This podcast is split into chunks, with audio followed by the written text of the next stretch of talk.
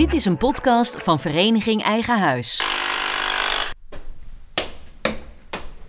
Een hele goede morgen. Goedemorgen, ik ben Daniel en ik heb jouw huis ontworpen. Wij bouwen graag. Afbreken zit niet in onze natuur. Altijd maar weer die drang om verder te gaan. Verder te komen en de best denkbare plek te vinden. Dit is een verhaal over jou. Over mij. Over waar we nu zijn en waar we zouden willen zijn. Een verhaal over dromen, over bouwen en misschien wel toch over afbreken. Ik heb een lijstje meegenomen, ik denk dat is wel leuk. Dit is Daniel den Oude. Hij ontwierp mijn huis. Dit is het lijstje waarmee eigenlijk eh, het hele verhaal begon. Dit kregen wij van de ontwikkelaar. En daarop staat eigenlijk, nou ja, hoeveel vierkante meter, hoeveel slaapkamers, eh, wat voor stijl hij voor ogen heeft, hoe diep de woning moet worden. Nou ja, ook qua duurzaamheid. Ook ik woon in een nieuwbouwhuis. Een keurig rijtjeshuis in een bestaande wijk. 15 nieuwbouwhuizen in totaal. En vaak, als ik door mijn huis loop, vraag ik me af: waarom is het huis eigenlijk op deze manier gebouwd? Wat zijn de ideeën bij nieuwbouw, nu en in de toekomst? Is er al rekening gehouden met meer thuiswerken? En hoe vindt de architect van mijn eigen huis eigenlijk dat het is geworden? Ik ben Bart Jan Kuhne en dit is Huisbazen, een podcast van Vereniging Eigen Huis. Dit is aflevering 4, de laatste over het thema nieuwbouw. In deze aflevering hoor je wat de oplevering oplevert, vaak tientallen gebreken. En dan hebben we ook de tuin nog. Wist je dat er met de aanlegger van geld te verdienen valt? Nou, eerst maar eens kijken in mijn eigen fijne nieuwbouwhuis. Had architect Daniel een beetje vrijheid toen hij tekende?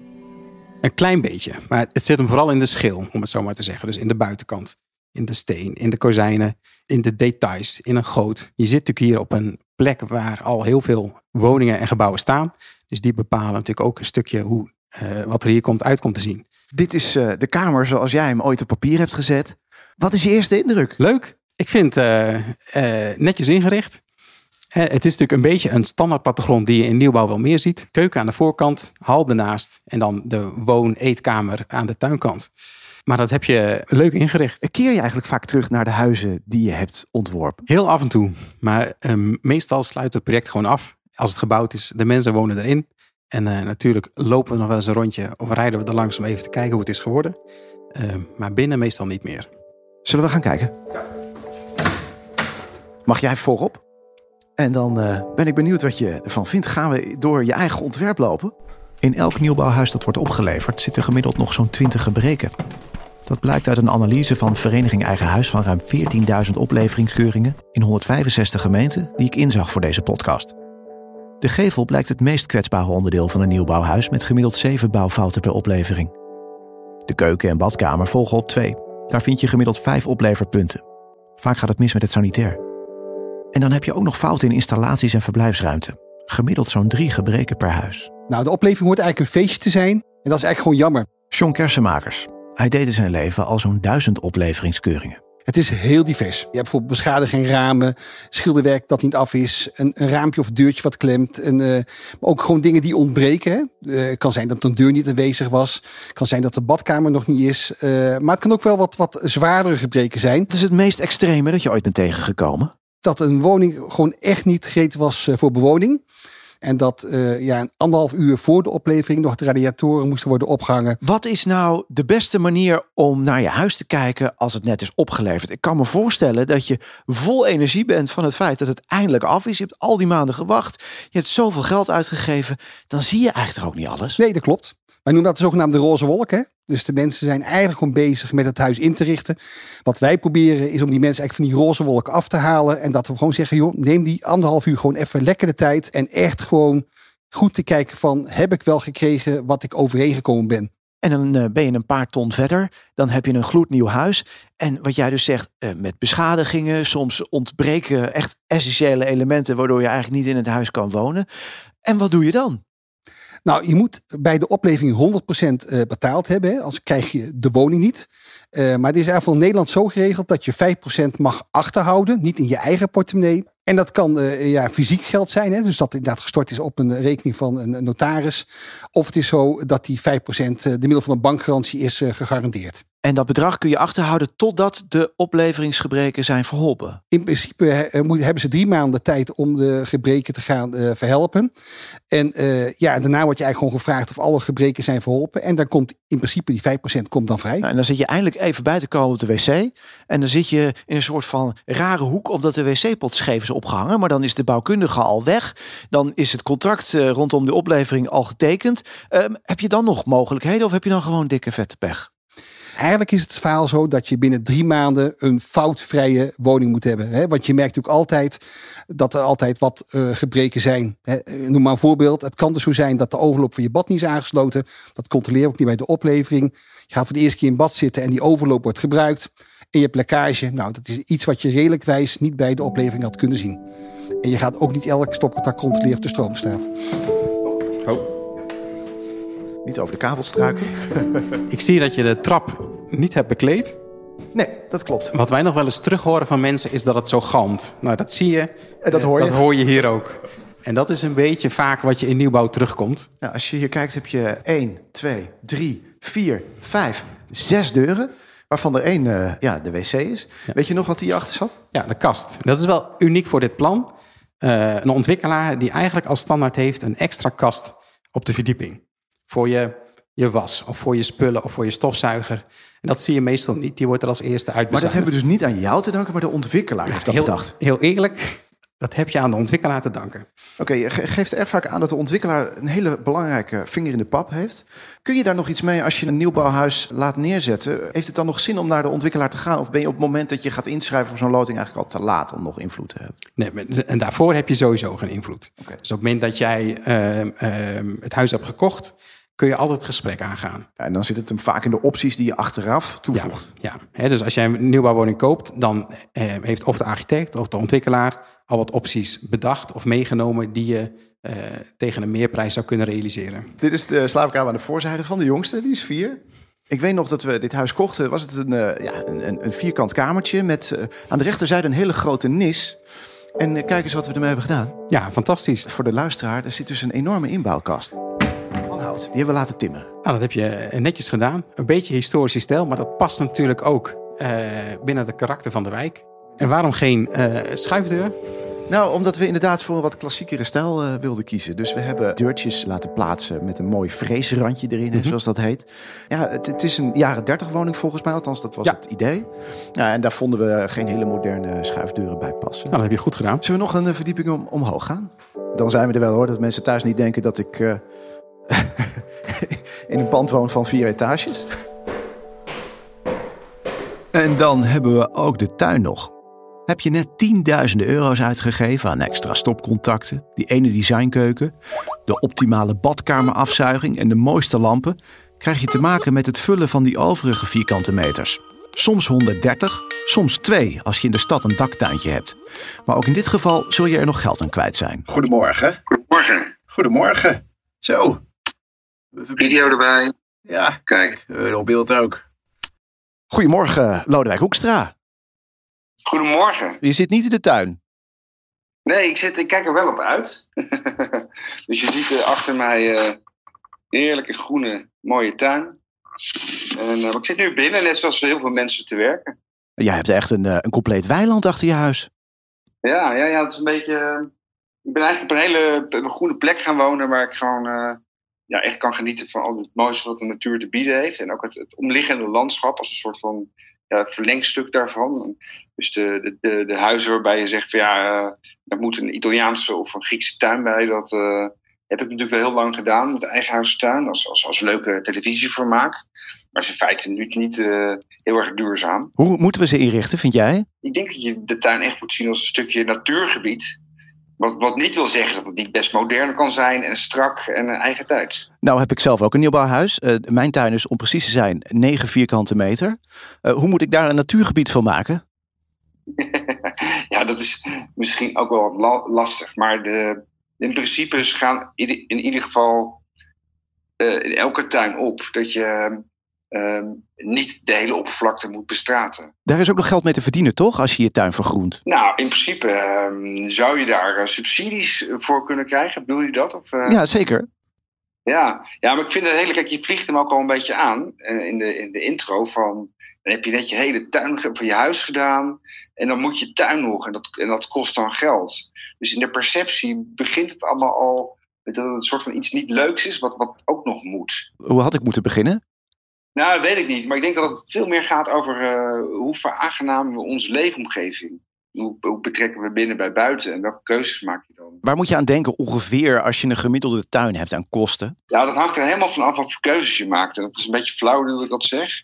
Maar als je, het, eh, als je gras neemt, nou ja, gras kost in principe een paar euro per vierkante meter. En als je het zelf aanlegt, dan hoeft een tuin dus in feite niks te kosten. Nee. En, en zaaien is nog goedkoper. Maar op het moment dat je met pergola's en verlichting en allerlei eh, complexe constructies aan de gang gaat, en dan wordt het wat anders. En dan kan de prijs eh, oplopen tot 100, 150 euro per vierkante meter. Is dat wat een duurzame tuin gemiddeld kost? Als je een beetje een duurzame tuin wil aanleggen, dat je dat bedrag kwijt bent? Nee, juist niet. Dus een duurzame tuin. eh, in principe, des te minder je doet en in de natuur zijn gang laat gaan. Ja. Dus kijk, een, een duurzame tuin, en dat is misschien ook wel leuk als je het over geld hebt. Dat een groene tuin gemiddeld gezien voor vastgoed een meerwaarde heeft van 5 tot 15 procent. Hey, now we're talking. Dus je kan er echt geld mee verdienen als je dit goed doet. Ja, dus als je een groene tuin hebt in een groen wijkje, dan is je huis al snel 10% meer waard. Nou, dan kun je toch een mooie tuin voor aanleggen, zou ik zeggen. En waar zit dan die winst in? Die winst zit erin dat eh, mensen de, er- de omgeving eh, ervaren als zijnde eh, veiliger. Het ziet er ook gewoon mooier uit. Dus, en, en groen heeft heel veel verschillende voordelen. Dus niet alleen voor vastgoed, maar ook voor gezondheid. Dus Maakt in die zin de grootte van je tuin dus ook niet zoveel uit? nee, ik denk ook dat je op een tuin van 9 vierkante meter met verticaal groen en een soort van mini stadsjungeltje van zou moeten kunnen maken. En dan moet je even die loungehoek vergeten.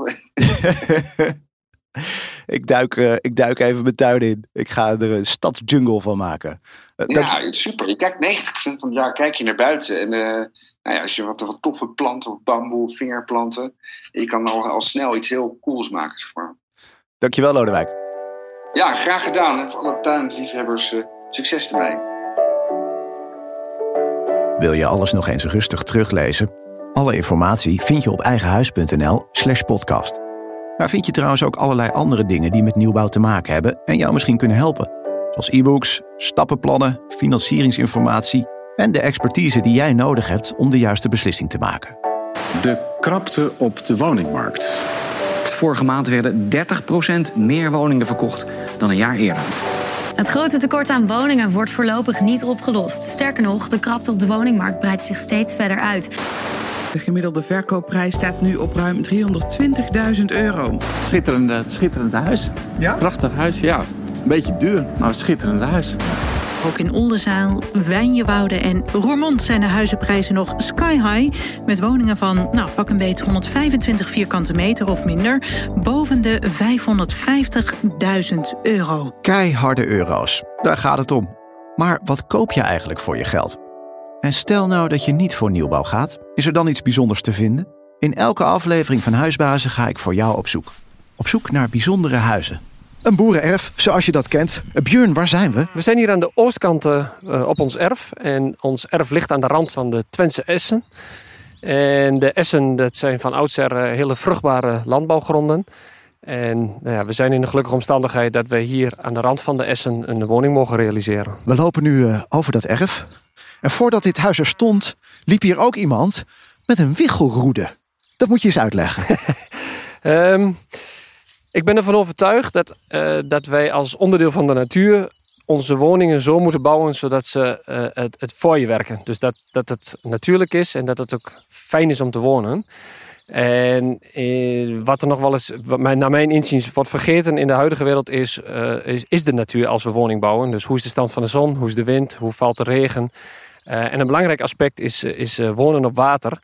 Dat is waar het water onder de vloer of onder de grond stroomt. Boeren vroeger deden dat ook niet. Die peilden dus hun woning uit. Dus die gingen met wiggelroeden rond en keken waar het water wel en niet liep. En daar waar het water loopt, daar moet je niet op gaan wonen, want daar krijg je, ga je last van krijgen. Dus in die hoedanigheid hebben we ook voor ons nieuwe huis eh, gepeild waar, eh, wat de beste plek was om hem niet op water te behoeven te bouwen. En dat heeft geleid tot dit zelfgebouwde huis. Aan de rand van dat mooie traditionele boerenerf. Het ziet eruit als een boerenschuur van buiten. Maar het is eigenlijk wel een hele moderne schuur. Dat gaan we nu zien. Wat mij meteen opvalt is ehm, nou, niet een, een beetje raam. Ja, het raam is uh, 5 meter breed en uh, woog 1400 kilo. Dus het is inderdaad een, een hele lap glas. Um, we uh, bij de bouw van de woning vonden het belangrijk, omdat we in dit prachtige landschap zijn, dat we daar zoveel mogelijk gebruik van gaan maken. Dus we hebben gepoogd om het huis zo te ontwerpen dat als je midden in de woning staat, dat je 360 graden rond kunt kijken. Het is nog lang niet af. Hoe lang ben je al aan het bouwen? Um, we zijn nu uh, ruim een jaar aan het bouwen. En omdat het dus een zelfbouwproject betreft. Je noemt het ecomodernisme. Dat is een heel duur woord. Is het ook een duur grapje om zoiets neer te zetten? Nou, doe eens een inschatting. Wat mag deze woning kosten? ik ben een hele slechte makelaar. Dat heb ik ook bewezen, want ik heb, heb ooit een huis met heel veel verlies verkocht. Ik denk 6, 7 ton. Ja, nou als, je, als ik uitga van uh, mijn budget en uh, mijn eigen bouwwijze, dan is dat nog minder. Echt waar? Ja. Dat betekent dat dit eigenlijk misschien wel heel bereikbaar is voor een veel grotere groep dan je zou denken. Ja, eh, qua kosten wel. Ehm, echter is de complexiteit van het bouwen op het platteland en de woontitels die nog te vergeven zijn, die is wel weer groot. Dus de, de, de schaarste, zeg maar, is hier ook vrij fors. Maar qua betaalbaarheid is het goed te doen. Weet je nog uh, wat er achter deze deuren zit? Hier hebben we er vier. Ja, hier zitten nog twee slaapkamers, een, uh, een technische ruimte zoals we dat noemen. En wat ik begreep is dat jij nog een extra ruimte hebt gecreëerd. We zijn, uh, zoals je zou zeggen, bij een oud huis op de zolder. Maar ja, eigenlijk zijn zolders tegenwoordig niet meer zoals we ze kennen. Ze worden gewoon gebruikt als leefruimte. Kijk, deze ja. kamer, de kamer van mijn andere zoon. Ja, fantastisch. Helemaal tot aan de nok. Geen plafond. Het is echt een soort uh, mancave geworden. Nou, gaan we verder. Eens even kijken. We werken tegenwoordig thuis. Dus er is een ruimte waar mijn partner zit. Goedemorgen. Goedemorgen. Goedemorgen. Die is hier aan het werk. Goedemorgen. Hi. Dit is, uh, dit is Daniel. Hij heeft ons huis getekend.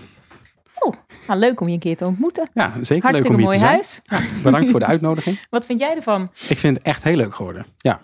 Wij ook wel. Ja. We zijn wel tevreden.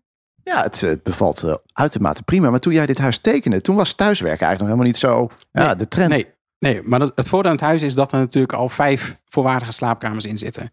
En de gezinnen van tegenwoordig zijn niet zo groot. Dus je hebt meestal nog wel een ruimte over die je daarvoor kan gebruiken. Gaan wij uh, weer verder met uh, de rondleiding. Werk ze. We hebben nog één deur niet gehad. Nou, die, die mag jij openen. Kijk, als je dan praat over extra opties, uh, hebben we een, een, een muur laten plaatsen op de overloop. Daar betaal je dan wel meteen weer echt behoorlijk wat geld voor. Hoe Ja. werkt dat? Ja, eigenlijk is het uh, heel, heel, heel kort door de bocht. Is dat natuurlijk een beetje het verdienmodel uh, van zo'n aannemer. Uh, die moet ook scherp inschrijven voor die ontwikkelaar. Het heeft allemaal te maken met de haalbaarheid. Uh, en, en hier kan hij nog een beetje aan verdienen. En die laatste ruimte waar we dan uh, binnenkomen, ja, dat is uh, mijn studio geworden. Werken en wonen combineren. We hadden het er net al even over met, uh, met Ariane, met mijn, uh, met mijn vriendin. Um, dat gaan we denk ik veel vaker zien hè, in de toekomst. Nou ja, zoals het er nu naar uitziet, ja. En vanuit die studio zeg ik, dit was het dan. De laatste aflevering van Huisbazen. Een podcast van Vereniging Eigen Huis. In dit seizoen liet ik je met veel plezier kennismaken met de stappen die je kunt zetten om aan een nieuwbouwhuis te komen. Ik ging met Rijksbouwmeester Floris kijken naar de beste toekomstige woonplek. We lazen de kleinste letter uit alle contracten, leerden onderhandelen en tenslotte hoop ik dat je iets te weten bent gekomen over de oplevering. En wie er alle uitzendingen bij was, was Wieke Wilbrink. Degene die namens Vereniging Eigen Huis de belangen behartigt van al die huiseigenaren en toekomstige huizenbezitters. Hoe ziet zij eigenlijk de toekomst? Ik hoop dat er veel meer woningen bij zijn gekomen en het voor kopers veel makkelijker is om die markt eigenlijk op te komen. Om een plek te vinden in een huis en in een huis te wonen wat zij heel graag willen hebben. En al die hobbels die ze nu tegenkomen echt een stuk lager zijn. Wat zeg je tegen al die mensen die op dit moment zich aan het oriënteren zijn of die net die beslissing hebben genomen van we gaan dit doen? Ja, weet dat, het, dat er een hobbelige weg voor je ligt. Kijk ook heel goed naar je woonwensen. Kijk wat je echt wil, wat echt op je A-lijst staat. En wat, wat de nice to have zijn. En hou je ogen open voor alles wat voorbij komt. Wil je alles nog eens rustig teruglezen? Ga naar eigenhuis.nl slash podcast. En daar zou ik ook graag van je willen horen wat je van deze serie vindt en of je misschien nog dingen mist. Ik ben Bart Jankune. Bedankt voor het luisteren.